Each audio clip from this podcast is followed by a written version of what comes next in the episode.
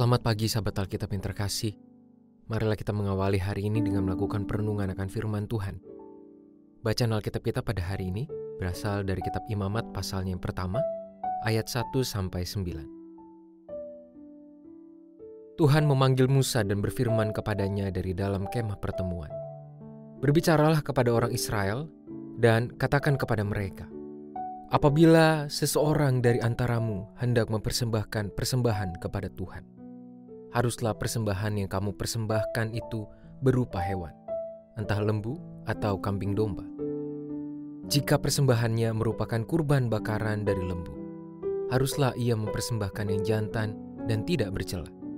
Ia harus membawanya ke pintu kemah pertemuan, supaya Tuhan berkenan kepadanya. Lalu ia harus meletakkan tangannya ke atas kepala kurban bakaran itu sehingga kurban itu diperkenan untuk mengadakan pendamaian baginya. Kemudian ia harus menyembelih lembu itu di hadapan Tuhan. Lalu anak-anak Harun, imam-imam itu, harus mempersembahkan darah lembu itu dan menyiramkannya pada mesbah sekelilingnya di depan pintu kemah pertemuan. Sesudah itu ia harus menguliti kurban bakaran itu dan memotong-motongnya menjadi bagian-bagian tertentu. Anak-anak Imam Harun harus menaruh api di atas pesbah dan menyusun kayu di atas api itu. Anak-anak Harun imam-imam itu harus mengatur potongan-potongan kurban itu, juga kepala dan lemaknya di atas kayu yang sedang menyala di atas mesbah. Isi perut dan betisnya haruslah dibasuh dengan air dan seluruhnya harus dibakar oleh imam di atas mesbah sebagai kurban bakaran, sebagai kurban oleh api yang aromanya menyenangkan bagi Tuhan. Setiap agama memiliki ritus dan pemaknaannya masing-masing termasuk dalam persoalan persembahan kepada sosok ilahi. Melalui bacaan pada hari ini, kita pun mendapati bagian awal dari kitab imamat yang berisikan banyak sekali panduan untuk melakukan ritus-ritus dalam kehidupan peribadahan orang Israel kuno. Secara khusus, pada perikop ini, Tuhan sedang memberikan panduan melalui Musa untuk mengajarkan orang Israel mengenai tata cara memberikan kurban persembahan dan kurban bakaran baginya. Hal yang menarik adalah pada ayat 2 bagian terakhir. Tuhan dengan sangat tegas menekankan bahwa orang Israel hanya boleh memberikan persembahan hewan, entah lembu maupun kambing domba, sebagai ungkapan syukur dalam kurban bakaran kepada Tuhan. Apakah ini berarti Tuhan pilih-pilih terhadap persembahan umatnya?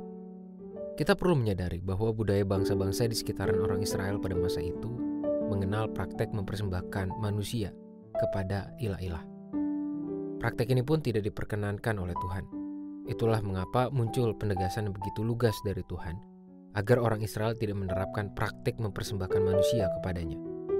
Selain itu, di dalam perikop ini kita juga dapat melihat beragam langkah rinci untuk memberikan kurban persembahan atau kurban bakaran, mulai dari awal mereka membawa hewan hingga pasca melakukan bakaran. Semuanya diatur sebagai pelatihan kedisiplinan orang Israel agar tidak sembarangan dalam memberikan persembahan kepada Tuhan. Sahabat Alkitab, sebagai umat Tuhan, kita tentu sudah tidak asing dengan praktek persembahan yang kita lakukan di dalam peribadahan. Memang praktek mempersembahkan kurban hewan bukan lagi menjadi sebuah praktek umum yang dilakukan dalam kekristenan. Namun kita juga mengenal memberikan persembahan dalam rupa materi yang lain. Setiap gereja dengan pemahaman teologis dan tradisinya pun memiliki bentuk persembahan yang khas. Namun pada hari ini kita diajak untuk merenungkan nilai persembahan yang perlu dilakukan dengan sungguh-sungguh, bukannya secara sembarangan. Sungguh disayangkan ketika kita memperlakukan persembahan sebagai tindakan formalistik yang tidak lagi istimewa untuk diberikan. Padahal setiap persembahan yang kita bawa semestinya didasari dengan kesungguhan hati untuk memberikan yang terbaik untuk Tuhan dengan niatan yang tidak asal-asalan. Semua persembahan perlu dipersiapkan dan diberikan dengan sikap yang tepat. Marilah kita berdoa. Tuhan kami bersyukur atas firman yang kami boleh baca pada hari ini. Terima kasih untuk panduan yang membawa kami pada sebuah perenungan tentang pentingnya mempersiapkan diri dalam memberikan setiap persembahan untuk Tuhan. Biarlah segala sesuatunya kami lakukan dengan yang terbaik untukmu. Hanya di dalam nama Tuhan Yesus kami berdoa dan mengucap syukur. Amin.